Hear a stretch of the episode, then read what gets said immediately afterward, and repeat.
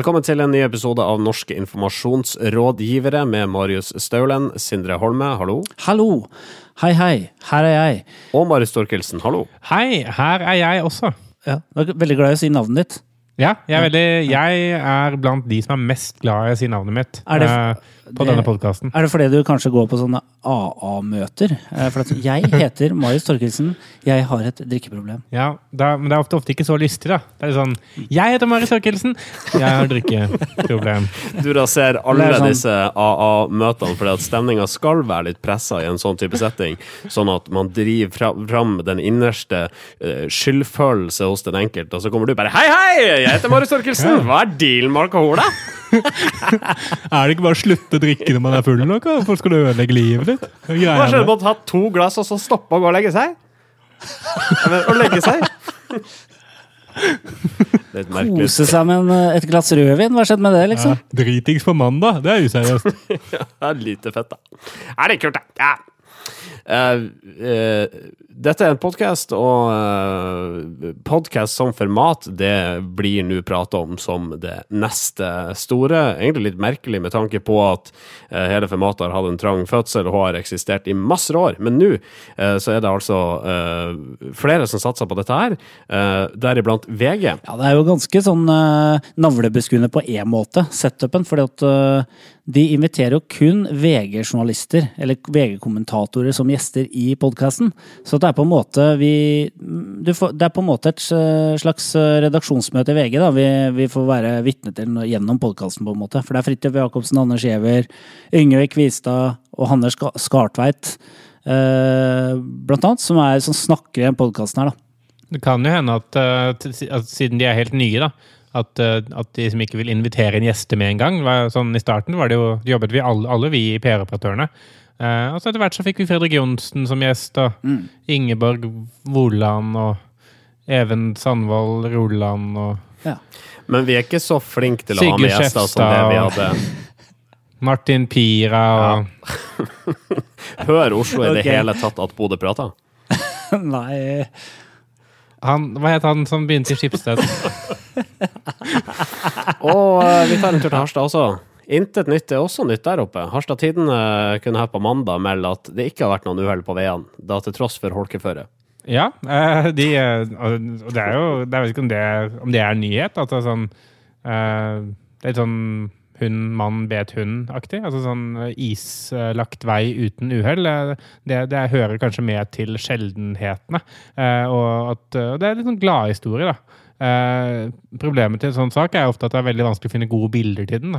Fordi det er ikke så mye spektakulære bilder du kan, du kan bruke når eh, du skal melde at det ikke har skjedd noen ting. Men veien er glatt. Det er bare bilde av en islagt vei, da. Og en bil som ikke krasjer. Eh, så Ja, Dere, jeg må, jeg må nesten få lov til å lese saken. For det er en sak som bare glir over i å bli en værmelding. Altså, Mange ble kanskje overrasket over at regn og holkeføre mandag morgen.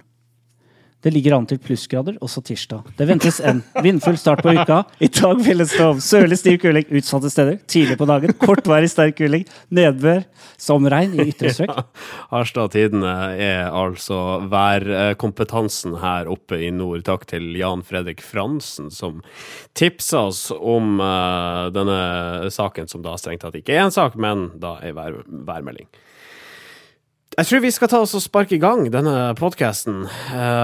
VG got nothing on, on us. Dette er episode 98. Norske informasjonsrådgivere. Vi starta i USA, hvor teknologiselskapet Apple det siste tiåret har forandra hvordan vi forholder oss til datamaskiner. Med iPhone og iPad annet, så har de på mange måter ledet an en slags innovasjonsrevolusjon. Samtidig så har den tidligere giganten Microsoft slitt voldsomt i motbakke. Men nå mener Engadget å vite at situasjonen er i ferd med å snu, for Microsoft har nylig vist frem noe hologramteknologi som folk syns virker sykt spennende. Mens Apple på sin side bare fortsetter å gjøre uh, småjusteringer på sine eksisterende produkter for å opprettholde pengestrømmen. Det er ganske overraskende, for det, det er veldig få tech-selskaper som har klart å fornye seg selv. Da. Du har jo liksom Juliet Packard, IBM og en del sånne gamle giganter som, som aldri har blitt særlig spennende igjen etter at de etter at de på en måte lanserte, og, og etter at Apple og, og at de fikk en del eh, nye konkurrenter som Samsung og Apple f.eks. Men, men nå har Microsoft begynt å gjøre spennende ting. altså. Denne her eh, HoloLens, altså sånn hologram eh, brill- briller som uh, viser at du kan spille Minecraft hvor som helst. Uh, altså, eh, det er ganske heftige saker. Det så, ganske sånn, det så ut som det er fra fremtiden, da, det Microsoft kom med. Og, og mange er kanskje overrasket over at det er Microsoft som, som kom med det. Som jo har slitt med å lansere en ny browser og, uh, og ha Word og Office som sine faneprodukter, liksom. Jeg, jeg syns jo uh, altså, de, de som ikke har sett den, uh, den produktvideoen til uh, HoloLens, må bare se den, fordi det er det kuleste som har skjedd. Jeg tror at dette er liksom Kall det Nå, nå er ikke Microsoft dømt nedenom og hjem uh, ennå, men dette er liksom full Phoenix for dem. Altså, jeg tror dette er det som liksom, virkelig kommer til å sette dem tilbake i førersetet, for det er så kult. da. Altså, sånn, åh. Ja. Jeg er så glad for at dette finnes. Du kan, du kan si at uh, selv om ikke det her blir kommersialisert, nå sier de at det antageligvis kommer til å bli det i løpet av året. Det er overraskende i seg selv, for Google Glass har jo ikke, har ikke klart å komme på markedet med sine briller ordentlig ennå. De har skravla om det der i evigheter. De- Det kommer jo aldri. Ja, det har gjort det, men det, men det er noe Uansett så er det noe symbolsk ved det, at Microsoft uh, er så langt framme og lager noe som er, som er dritspennende, og mye mer spennende enn det Google har gjort eh, på- i det siste. Eh, så det er litt sånn den rollebytte her, for Apple har jo på en måte, Hva har de gjort de siste åra? Jo, det har kommet med en ny iPad, en litt mindre iPad, en litt større telefon, litt mindre telefon. Men det, det som er litt sånn, eh, som jeg synes er interessant med Apple, er jo at de blir sett på som veldig sånn innovative, men altså det de egentlig Altså de har, har jo aldri vært eh, De har egentlig aldri skapt produkter selv. De har alltid tatt eksisterende konsepter bare fått det til å fungere. Altså Det fantes jo touchtelefoner før den første iPhonen kom, før iPoden kom. Det fantes jo musikkspillere før den første iPoden kom. Det fantes jo måtte, operativsystemer og PC før de lanserte den første uh, Apple-computeren videre. Men de tar på måte, ting som fungerer, som er sånn klønkete og dårlig og kjipt, og så bare får de det til å funke dritbra. Og så er det selvfølgelig mye innovasjon i det å lage teknologi som da fungerer.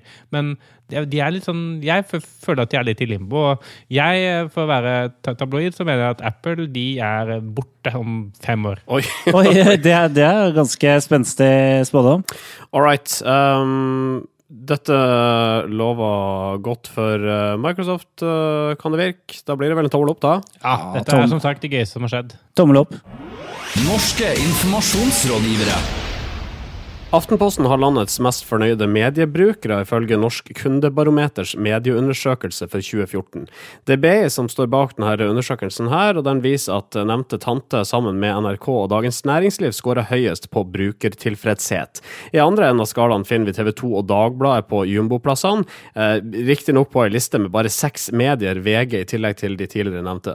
Og prosjektleder Pål Rasmus Silseth på BI forteller til skolens nettside at journalistikk av høy kvalitet øker tilfredsheten blant leserne, deretter følger nytteverdi, mens underholdning gir minst utslag på brukernes tilfredshet. Ja, og det, og det, det tror jeg nok stemmer. Jeg tror nok, for, men det, det, er, det er ikke så veldig rart, da. Altså, det er jo for eksempel, eh, for å dra en parallell til, til noe annet, altså, jeg tror at de som er faste kunder på, eller gjester på Maemo, er veldig mer fornøyde enn de som er faste gjester på McDonald's. Men det er veldig mange flere som går på McDonald's likevel, for det er mer, det er mer tilgjengelig.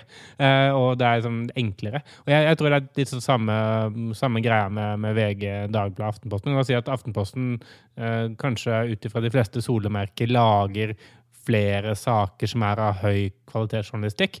Men, men jeg tror nok både VG og nesten til dels Dagbladet også er bedre på å tilgjengeliggjøre det de gjør. Men altså, brukerne i denne undersøkelsen, da, man har spurt uh, litt over 300 uh, mennesker om eh, hva som spiller inn på deres tilfredshet med forskjellige nyhetsoutlets, og de sier vi setter pris på kvalitetsjournalistikk. Men eh, altså, parallelt med dette så driver jo de her eh, nettavisene alle eh, og etablerer disse her buzz-sidene, der de bare kan uh, lage svært enkel journalistikk som sørger for masse deling? Altså, Er det et sånn forsøk på å få bukta og begge ender i det at man lager masse enkel, delbar journalistikk, og så skal man satse på det tunge samtidig? Ja, jeg tror det.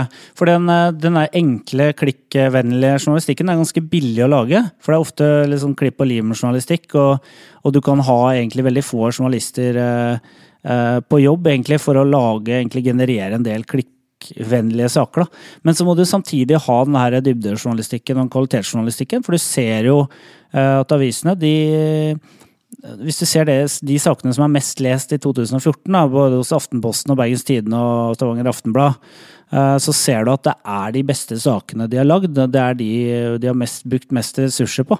Men de har, altså, de har ikke råd til å kun satse på det eh, kvalitet. For eh, å, liksom sette tre journalister i to uker på å lage én stor sak, det kan man ikke gjøre Uh, det er liksom ikke smør og brød. Da kan du ikke gjøre hver dag. Jeg, jeg vil kanskje bare stille noen, uh, i hvert fall om ikke veldig kritiske så oppfølgingsspørsmål til denne undersøkelsen. Fordi eh, de går gjennom litt ulike typer spørsmål som er brukt der. Eh, og så har bl.a. brukerne da på en skala fra 0 til 100 eh, blitt bedt om å vurdere de ulike aktørene og vurdere om de i hvilken grad de oppfatter da at XX leverer journalistikk av høy kvalitet. ikke sant? Og da får NRK, Aftenposten og DN henholdsvis 80, 78 og 77. Eh, TV 2 for 62, mens VG og Dagbladet for 56 og 54. Og det er jo tydelig at altså selv da de som er de dårligste, blir jo på en måte vurdert som over 50. ikke sant? Eh, og jeg, jeg, lurer litt på om, liksom, om VG og Dagbladet blir litt offer for at uh, de har mange saker da, som er klikkvennlige. Men, jeg tror ikke nødvendigvis at toppnivået til henholdsvis VG er så mye dårligere enn toppnivået til Aftenposten. Men at Aftenposten kanskje har flere saker, altså har færre uh, delevennlige eller klikkvennlige saker, uten at nødvendigvis den journalistiske kvaliteten på det sånn rent objektivt nødvendigvis er bedre. Det er en sånn interessant diskusjon. altså egentlig, eh, Det kan være dårlig skrevet, men om et eh, kjedeligere tema enn at liksom, Kim Kardashian har fått nye pupper igjen. Så jeg tror ikke, jeg tror ikke mediehusene eller journalistene bruker det her som et sånn der sannhetsvitne eh, på hva, eller sånn kompass for hvordan vi skal jobbe framover. For jeg, for jeg, tror det er riktig, det er riktig som vi, vi er inne på her, tror jeg. Sånn, hvis du skriver liksom en litt sånn kronglete sak om et viktig tema, men, men er dårlig til å, å, formidle det, så er ikke det bra journalistikk. Eh, altså, men hvis du hadde klart å lage en veldig spissa tittel, så hadde det vært mye bedre journalistikk. Men antageligvis ville folk tenkt at ja, det var liksom sell-out, og ja, det var, eh, ja, det var for tabloid. Da. Ja, for, jeg, for, jeg, for jeg kjenner meg inn i den vurderingen. Hvis jeg hadde bestilt dette spørsmålet, hadde jeg også vurdert det helt likt. Men jeg har masse saker på Aftenposten som jeg bare sånn antar er bra, men som jeg ikke har peiling på. sånn der, Dette er eh, det nye Statsbygg-budsjettet for 2016. Det er sikkert en utrolig viktig sak, men jeg gidder ikke å lese den, liksom. Altså, sånn, så jeg antar bare at Aftenposten vet hva de driver med, uten at jeg nødvendigvis kan Kjempebra at det lages sånne saker. Ja, utrolig viktig at noen som gidder å lese det, får lov til det. Jeg gidder ikke det. Jeg vil lese anmeldelsen av de seks låtene fra hver gang vi møtes i helga. Det, det, det, leser jeg, i tillegg til noen viktige saker, da. men men uh, ja. Og samtidig så vil du rate antagelig Aftenposten høyere hvis du blir stilt disse spørsmålene, fordi at du vet at ja, ja, nettopp, Aftenposten er en bedre avis enn VG, men du kan jo godt hende du leser mer VG. Ja, jeg leser desidert mer VG, og, øh, og Aftenposten Som sagt, jeg, det er mer sånn tilliten til at det som befinner seg bak de sakene de har på forsiden, er god, da. Den, den har jeg jo, mm. selv om jeg ikke leser de sakene. Så til dere uh, i markedsavdelingene i da VG, TV 2 og Dagbladet. Ikke gå bort fra klikktissinga riktig ennå, for det trenger ikke nødvendigvis å være en korrelasjon mellom brukertilfredshet og eh, deres inntekter. Nei, jeg tenker jo spesielt på de tre avisene, så får leserne de avisene de fortjener. Eh, fordi altså, det mm. de klikker på, det får de, på en måte. Så det er bare å slutte med det hvis man ikke vil ha det. Norske informasjonsrådgivere. Såkalt digital kompetanse er vår tids keiserens nye klær, det skriver journalist Morten Samdal i et innlegg på journalisten.no. Han mener norske medieledere far med svada når de gnåler om at dagens journalister og innholdsskapere må ha digital kompetanse. Og de som får jobbene i en pressa mediebransje, de som nedlater seg sjøl til å sitte og jabbe om digitale selvfølgeligheter som klikksaker og deling i sosiale medier. Digitale verktøy som hvermannsen kan håndtere, har blitt viktigere enn den journalistiske metode, skriver Samdal. Ja, det er jo eh, sterk kost. Samdal eh, er, eh, sier at han heller vil være arbeidsledig enn å måtte jabbe om sosiale medier og si hvor flink han er til å, å snakke med eh, fansen, eller eh, ha dialog med og snakke med folk, og ikke til folk. Og han, han har jo en grad fra, fra høyskolen også, med, i datateknikk, og, og mener at digital kompetanse det er et svadaord. For egentlig så er det snakk om eh, om du er flink i om du bruker sosiale medier. Om du er på Facebook og Twitter. Men det han mener, er jo at eh, digital kompetanse burde handle om å utvikle journalistikken. Om eh, hvordan du kan bruke digital eh, innsikt da, eh, til å utvikle kanskje nye produkter, eller gjøre journalistikken bedre. Det han sier, er at fordi de som er medieledere i dag, synes at dette bare er en svart boks som de ikke forstår, så bare så lenge noen nevner SEO på et jobbintervju, så tenker de oi, denne personen her kan en trebokst- en trebokstavsforkortelse jeg ikke kan. Sannsynligvis er vedkommende flink til noe. Eh, Og man er, mer, man er mer redd for å sitte igjen som digital sinke enn for å ansette en journalist som ikke er spesielt flink til å være journalist. Jeg så en, en, sånn en merkevare, en stor norsk eh, aktør som søkte etter en, eh, en sosiale medier-spesialist eh, for eh, noen uker siden. Og da sto det i stillingsutlysningen du, må, du, kan, du kan også gjerne blogge. Altså det med, liksom, det med at hvis du har en blogg, da, så er det på en måte indirekte kvalifiser, kvalifiserende. da. Tre års Eh, høyere utdannelse eller blogg. Ja, ja det, er litt, det er litt det som eh, jeg føler eh, Samdal er inne på her, da. Jeg har han rett? Ja, jeg tror han har litt rett. Eh, For det er eh, fortsatt eh, liksom Fortsatt det er sosiale medier og digitalt det er en smørje for veldig mange, særlig den generasjonen som driver ansetter folk. Som er da kanskje 60 år og syns Facebook er ja, litt spennende fora. Det å skrive for nett for øvrig altså Man har jo hatt et par eksempler gjennom tidene som beviser at det nødvendigvis ikke er noe uh, altså Det trenger å være noe forskjell på den gode sak på internett og på uh, altså i ei papiravis. Uh, dere husker sikkert denne Dagblad-reportasjen, den lange om han fyren som gikk bort, og det var ingen som møtte opp i begravelsen. ikke sant? Altså det var side opp og side ned og side opp og side ned, og du måtte virkelig eh, jobbe deg gjennom denne lange saken som eh, ble da en av de mest delte Dagbladet-sakene eh, det året. Ja, det syns jeg er et kjempegodt eh, eksempel. For det er det egentlig Samdal kunne brukt det som et eksempel, og egentlig skrevet mye kortere kronikk. Eh, men, men, for det er jo nettopp det at altså, god journalistikk er god journalistikk. Punktum. God journalistisk teft trumfer fortsatt eh, digital kompetanse, og nå tødler jeg det inn, altså. Ja, Ja, jeg, jeg er helt enig. Altså et, eksempel, et eksempel er det Medium. Det her er bloggplattformen, eller hva skal jeg si. Det er et slags eh, kollegium av masse flinke eh, folk som skriver langt om forskjellige temaer. Men det er presentert på en sånn utrolig fin måte at det er veldig innbydende å lese langt. Og eh, det er jo den kompetansen eh, avisene burde etterspørre. Altså, hvordan klarer man å få folk til å faktisk eh, konsumere kvalitetsjournalistikk, og noe som virkelig blir sittende igjen hos en. da. Eh, For det er jo da man også skaper den lojaliteten som, eh, som var så viktig i den undersøkelsen vi snakka om i forrige segment. Digital kompetanse er vår tids keiserens nye klær, skriver Morten Samdal i eh, sin kommentar på journalisten.no. Vi gir en tommel opp eller tommel ned. Ja, tommel opp. tommel opp. Det er du som utrydda den begalske tigeren, altså. Brukte du alle kommunens penger på PR-byrå? Flyttet du makt i favør av andre enn dine oppdragsgivere? Sendte du hatmail til innvandrere mens du satt i regjering? I regjering? Dette skal ikke skje. I forhold til det så legger jeg meg flat. Det var ikke meningen at du skulle finne ut det. Jeg legger meg flat. Nå ble det veldig mye negativ presse. Jeg legger meg flat. Jeg tar dette til etterretning og legger meg paddeflat. Jeg legger meg flat. Flatindeksen. Eh, dette her er altså Flatindeksen. Torkelsen, det er de spalte. Takk for det. Vi er tilbake. Nå er det lenge siden det har vært noe flatindeks eh, her hos norske informasjonsrådgivere. Eh, Vi gjorde det jo ikke i desember, kom jeg på. Det, akkurat nå. Det var jo litt teit av oss. Men eh, nå, nå skal vi altså opp, oppsummere januar, og da går vi gjennom alle disse virksomhetene og, og, og bedriftslederne og idrettsstjernene som legger, gjør noe galt, og så legger de seg flate, og så slipper de unna med det.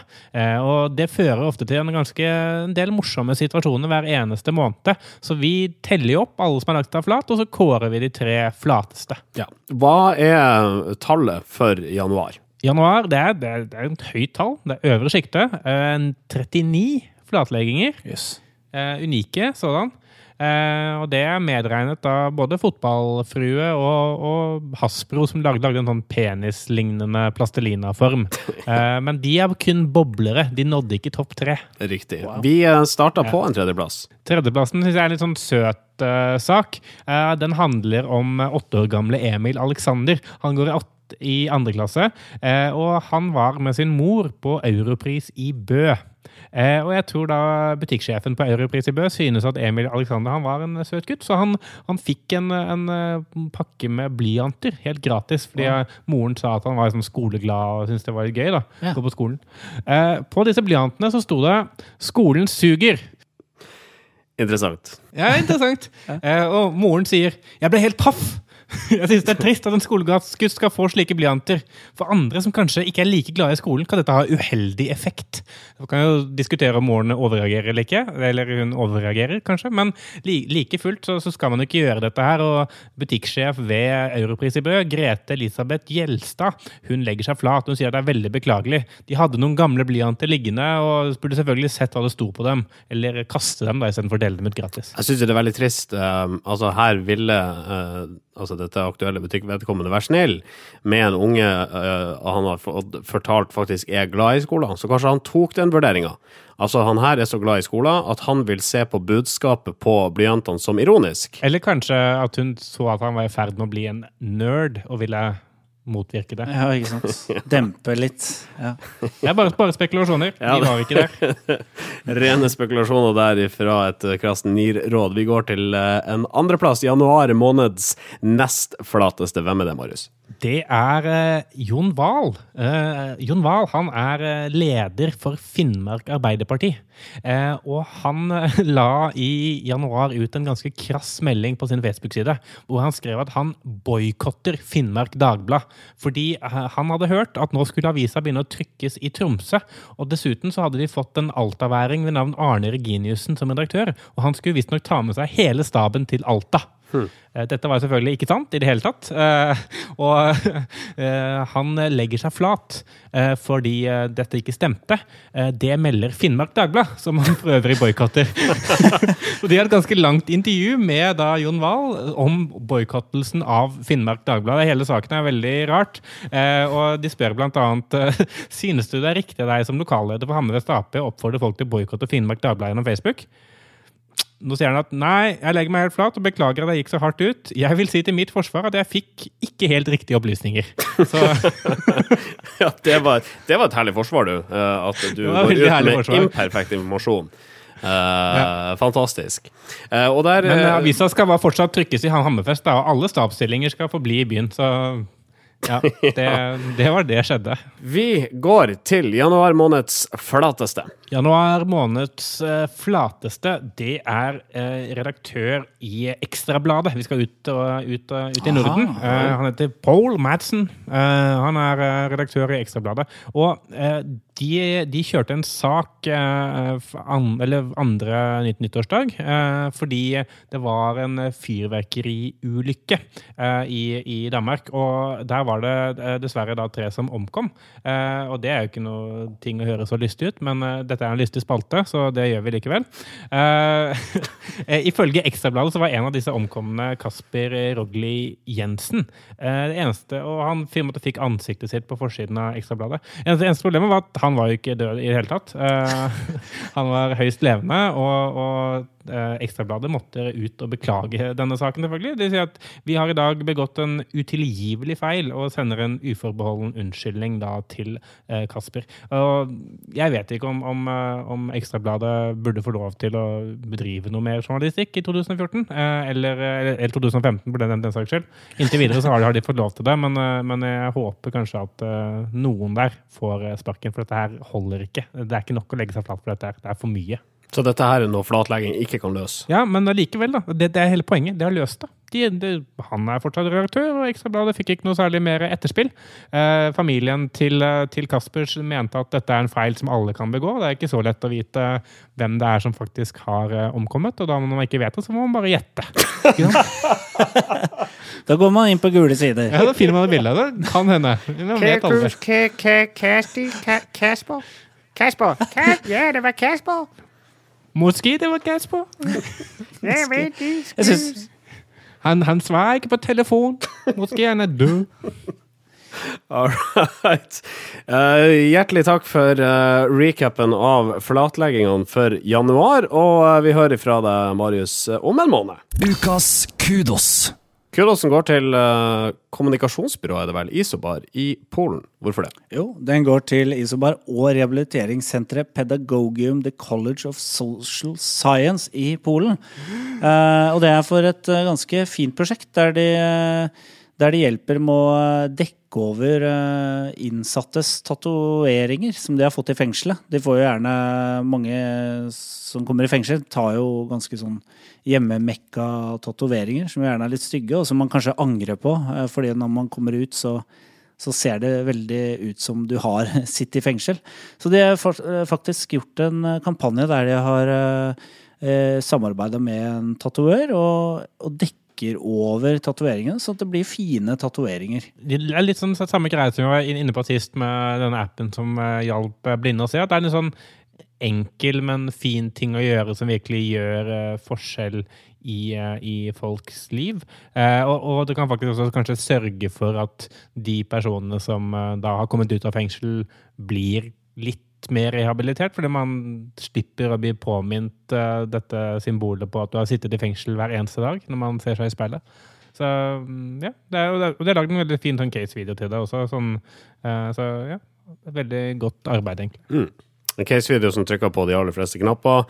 Eh, der har du musikk som får tårene til å presse på, og så har du da noe sånn gråt etter hvert, sånn at tårene da renner ut. Kudosen går altså til eh, Isobar i eh, Polen. Congrats. Norske informasjonsrådgivere. Eh, det går mot slutten. Jeg bare kom, bare kom på Jeg leste i Dagbladet her på mandag at det nå kommer en ny Altså det kommer en norsk versjon av den amerikanske TV-serien The Biggest Loser på TV Norge. Og Jørgen Foss mener at dette her uh, kan være helsefarlig. Hva sier du det? Han vet jo ikke noe om det, han! Han er jo ikke lege. Men han er skikkelig tjukk, da. Jo, jo. Men han ser jo Ja. altså, altså, I Norge så er det sånn at hvis du er veldig tjukk, eller hvis du er lege, da kan du uttale om hva som helst.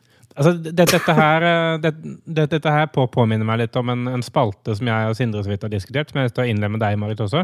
For vi mener at eh, det er altfor lett i Norge i dag å bli ekspert på noe.